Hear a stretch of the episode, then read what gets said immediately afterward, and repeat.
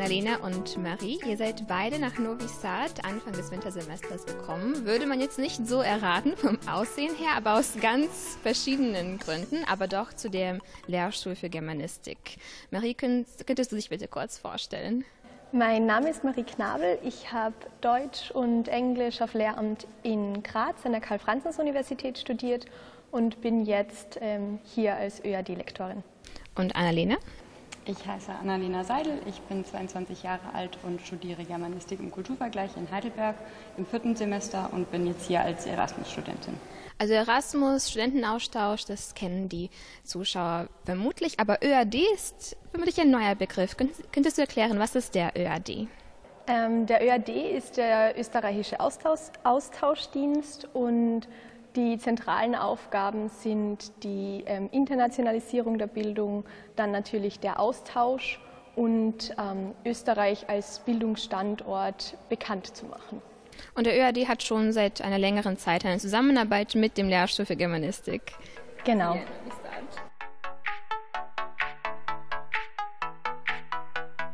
Und Annalena, du hast dich ja zu der Stadt ein bisschen informiert, bevor du hier angekommen bist. Und wo du jetzt hier das ganze Semester mehr oder weniger bist, was sind deine Eindrücke beziehungsweise von dem, was du erwartet hast? Hat sich das erfüllt oder eher nicht?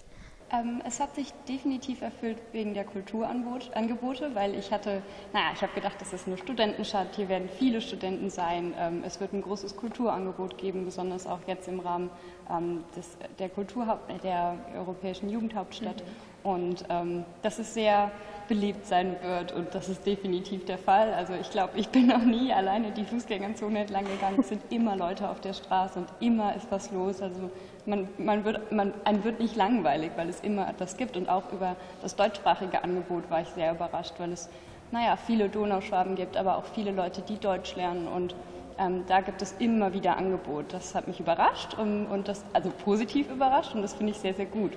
Und Marie, was ist mit dir? Was waren deine Erwartungen und inwieweit haben sich diese erfüllt? Also ich versuche eigentlich immer möglichst ohne Erwartungen an einen neuen Ort zu kommen, ähm, damit ich dann nicht enttäuscht bin. Und ähm, somit habe ich einfach das auf mich zukommen lassen und ähm, mir gar nicht zu große Gedanken darum gemacht, was, was mich erwarten wird. Aber ich bin sehr überrascht, weil ich die Atmosphäre hier ganz speziell finde.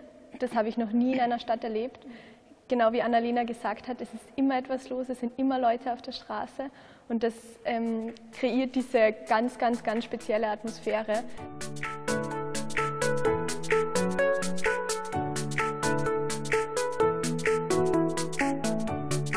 Kommen wir zu der Fakultät, zu der Germanistik. Annalena, also, also ihr beide habt eine ganz andere Perspektive drauf, würde ich sagen, weil du bist jetzt Studierende und du unterrichtest. Ähm, du bist hier von der Uni in Heidelberg gekommen. Und was sind denn deine Eindrücke? Wie ist das Hochschulsystem hier anders als in Deutschland? Also das Hochschulsystem hier ist meiner Meinung nach sehr verschult. Also es gibt eigentlich eine Klassenstruktur, also wie ja, im Gymnasium. Also ein Jahrgang verbringt das ganze Studium miteinander. Jeder wählt die gleichen Klassen, jeder hat ja, die gleichen Kurse und es gibt nicht so viel Auswahlmöglichkeit. Und es ist bei mir im Studium ähm, ganz, ganz anders. Also bevor ich hierher gekommen bin, habe ich ähm, mein Unterrichtspraktikum, also das erste Jahr an der Schule abgelegt und habe an einer, an, einem, an einer technischen Schule unterrichtet, ähm, Deutsch und Englisch und habe somit mit ähm, vor allem ähm, Jungen im Alter von 15 bis 20 gearbeitet und ja, dadurch ist das jetzt an der Universität natürlich ganz etwas anderes. Und ähm, es haben sich ganz viele Unterschiede ergeben, die mir jetzt auffallen. Und was ich besonders schätze, ist, dass wirklich ein Interesse da ist für, ja, in der Schule hat man das nicht immer.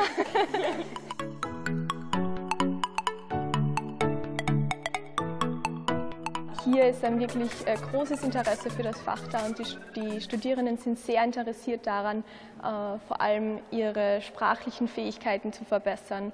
So, Annalena und Marie, danke an euch beide, dass ihr euch Zeit genommen habt, um uns ein bisschen diese andere Perspektive auf Novi Sad, auf das Studium hier zu geben. Das ist immer spannend, das zu hören und es freut mich, dass euch Novi Sad gefällt, dass euch das Studium oder beziehungsweise die Arbeit gefällt. Und ja, äh, danke, dass ihr heute hier bei uns wart. Danke für die Danke. Gledate paletu. Izbor iz emisija na jezicima nacionalnih zajednica.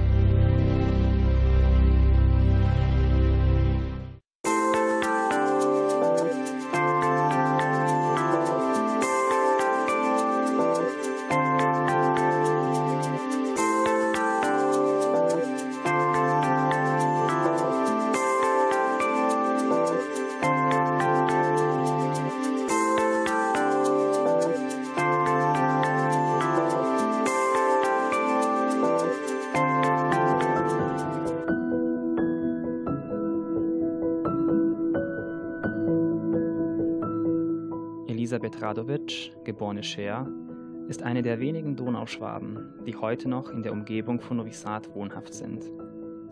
Wir haben ihr einen Besuch abgestattet, um mit ihr über ihre Vergangenheit zu reden.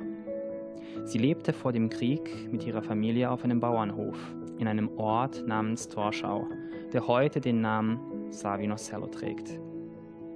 Da wir in der Adventszeit bei ihr zu Gast waren, fragten wir sie natürlich, wie in Ihrer Familie Weihnachten gefeiert wurde. Bei uns äh, war das so, am Heiligen Abend tun wir schmucken den, den Christbaum. Da waren wir alle zusammen. Das war in einer Stube, ein bisschen größer als die. Und da, dort waren wir alle. Und die Kinder haben das, wir drei Kinder, das waren. Und dann haben wir gewartet, den äh, Weihnachtsmann und das Christkindl. Das Christkindl, das war die erste, was ins Haus kommt und was uns freut.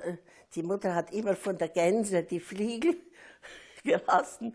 Dann hat sie zusammengenäht da hinten, dass der Engel hat auch Fliegel und weiß äh, hat sie sich angezogen und so eine äh, Blumen hat sie da auf dem Kopf und dann ist sie gekommen und dann müssen wir beten, äh, Vater unser und hin und her. Und dann schmeißt sie allerhand so äh, Bovei, Nüsse, Feigen und alles auf den Boden.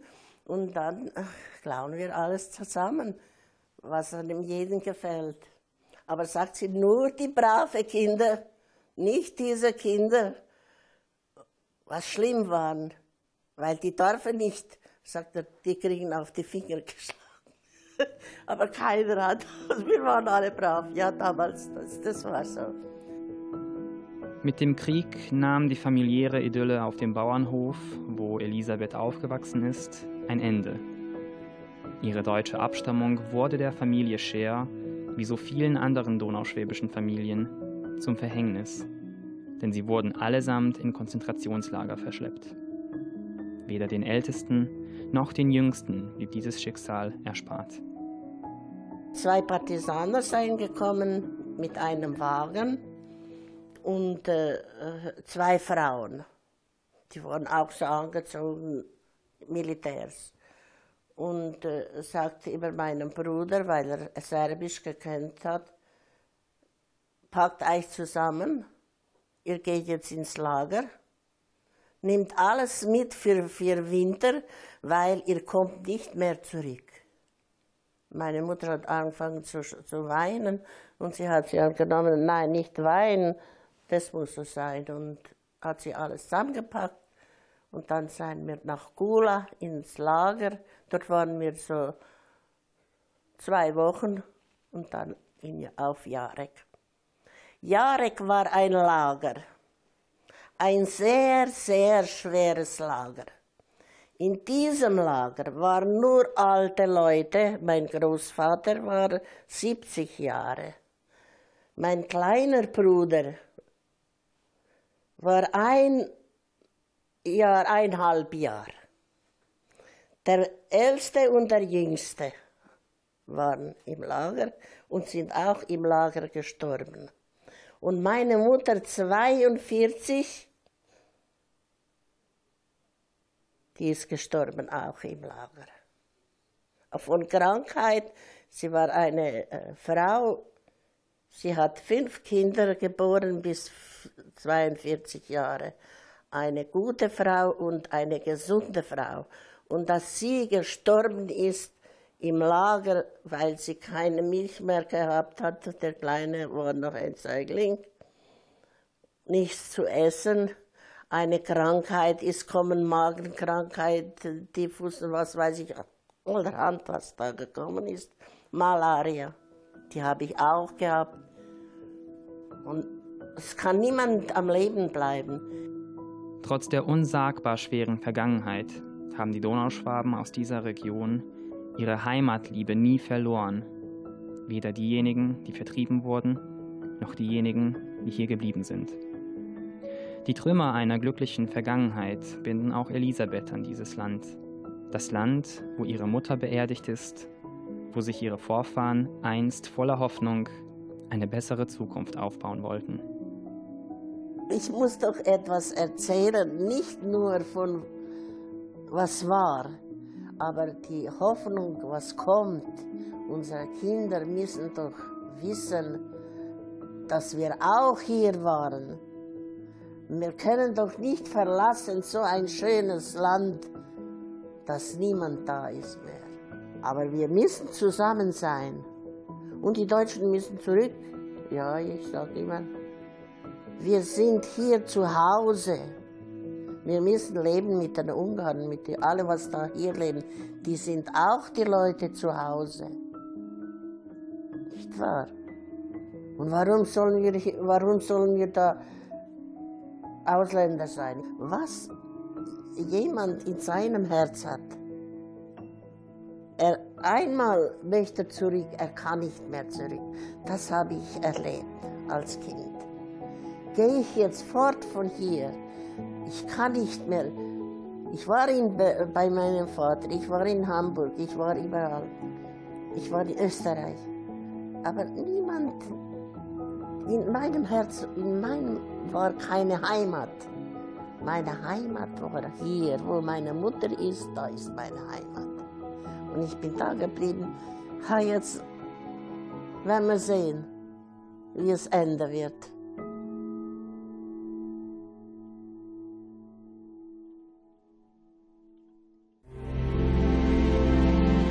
Gledate paletu. Izbor iz emisija na jezicima nacionalnih zajednica.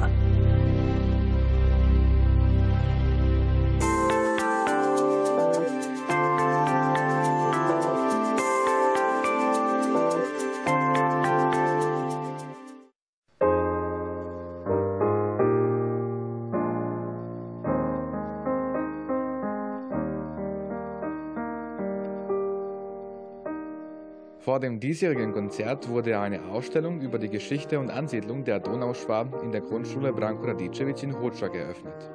Die feierliche Eröffnung leiteten Michailo Sujer, Vorsitzender des Deutschen Vereins Hoča, und Michael Pitsch, erster Sekretär der Deutschen Botschaft in Belgrad. Seit äh, Sommer hier an der Deutschen Botschaft in Serbien und bin dort für den Bereich Kultur zuständig und eben dort auch für die Beziehungen und die Pflege der Kontakt zur deutschen Minderheit.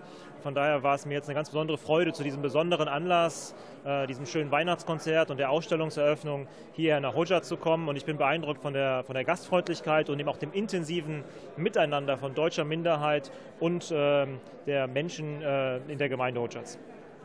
Und was für Weihnachtswünsche bringen Sie uns, unseren Zuschauern und Zuhörern? Vor allem bringe ich natürlich die Grüße ähm, und Weihnachtswünsche von Herrn Botschafter Schieb, der heute auch sehr, sehr gerne hier gewesen wäre und auch von allen Kolleginnen und Kollegen. Sie alle haben mich gebeten, Ihnen ein frohes und besinnliches Weihnachtsfest zu wünschen, sowie ein frohes, gesundes und friedliches neues Jahr. Ich bin sehr froh, dass ich heute hier in Ojaci bin und dass wir diesen schönen Konzert auch genießen können. Und was sagen Sie zu der Ausstellung? Ja, ich freue mich immer, wenn eine Ausstellung stattfindet, wenn man die Leute mit unserer donauschwäbischen Geschichte informieren kann.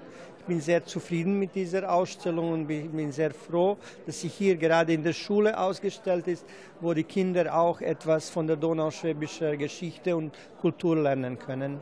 Oh,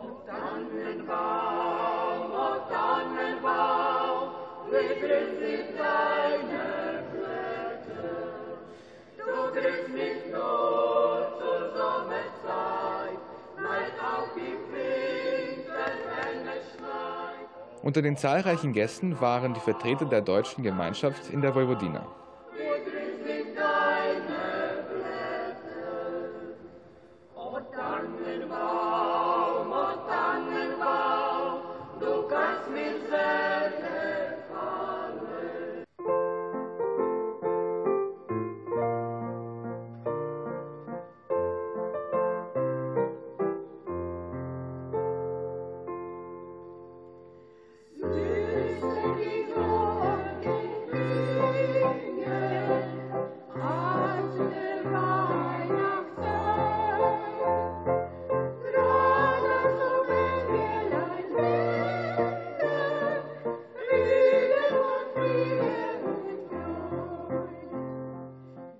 Das Programm des Weihnachtskonzerts war sehr bunt und neben zahlreichen Chören traten auch zwei Solisten auf. Die Chöre Santa Maria aus Bartsch, Regenbogen und Regenbogen Jugendchor aus Subotica und die Solisten Milica Magdalena Sojer und Robert Hipp.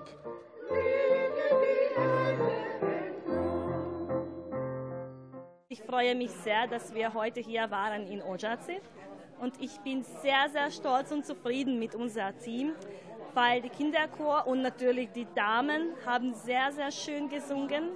Und dank an BMI können wir wahrscheinlich in 2020 auch weitergehen mit diesem Chorprojekt.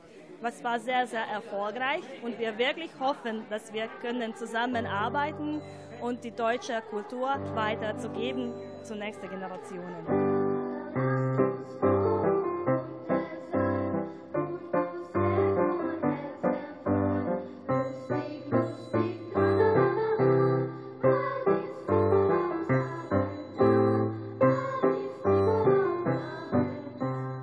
Erstens möchte ich äh, mich äh, bedanken zu unserem Gastgeber zum, äh, für eine äh, Einladung.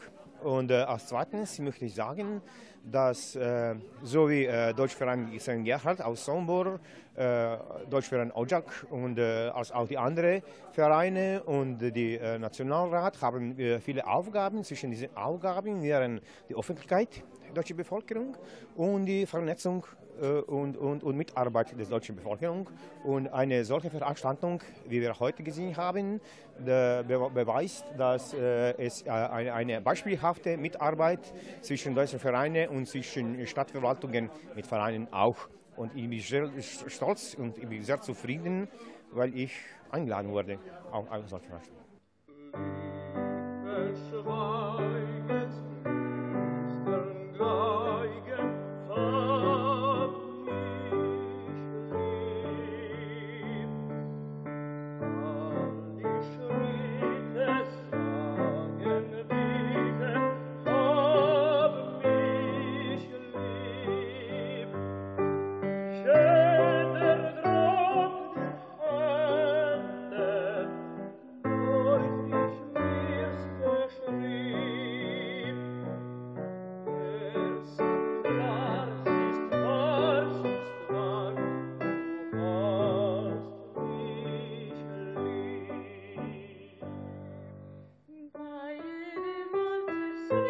Sie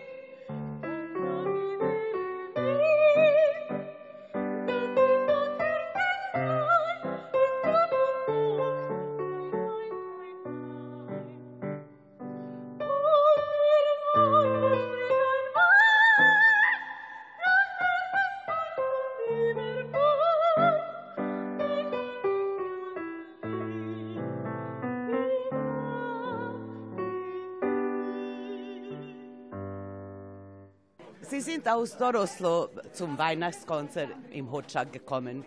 Wie hat es Ihnen gefallen?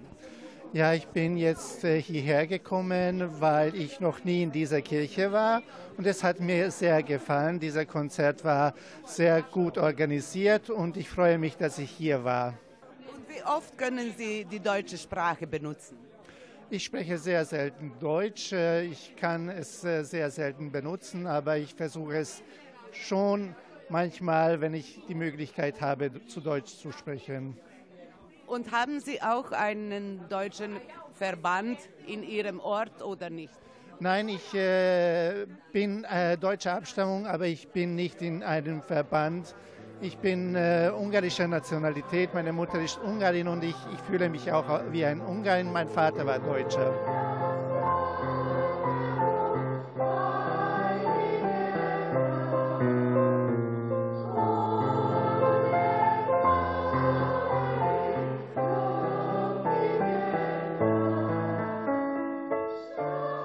Ich bin der Pfarrer in Ojaci schon äh, 43 Jahren. Heiße Jakob Pfeiffer und äh, ich äh, bin ein Donauschwabe und deswegen ist mir auch sehr mein Herz voll und froh, dass Gott sei Dank jetzt einmal in Ojaci dieses Konzert stattgefunden hat, das Weihnachtskonzert.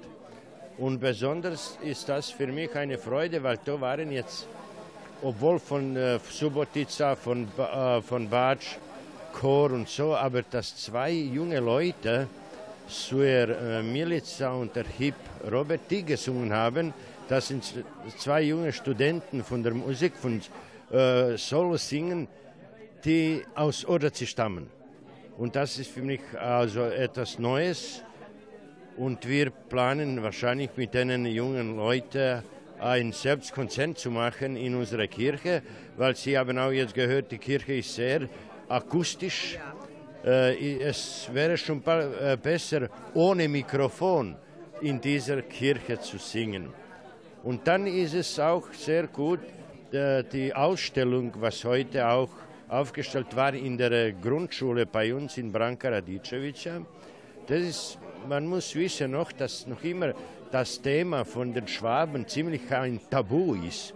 Aber das ist, dass sie in der Grundschule die Direktorin zulässt, die Ausstellung von den Schwaben und dann, dass eine Lehrerin der Geschichte mit ihren Kindern eingeübt hat, uns vorzustellen, kurz wie die Schwaben hierher gekommen sind. Also das ist ausgezeichnet und das habe ich sofort gratuliert, weil das ist wirklich ein großes Ereignis und für die ganze, äh, für ganz Ojak, weil äh, viele Leute, sage ich, wissen noch nicht, wer die Schwaben sind.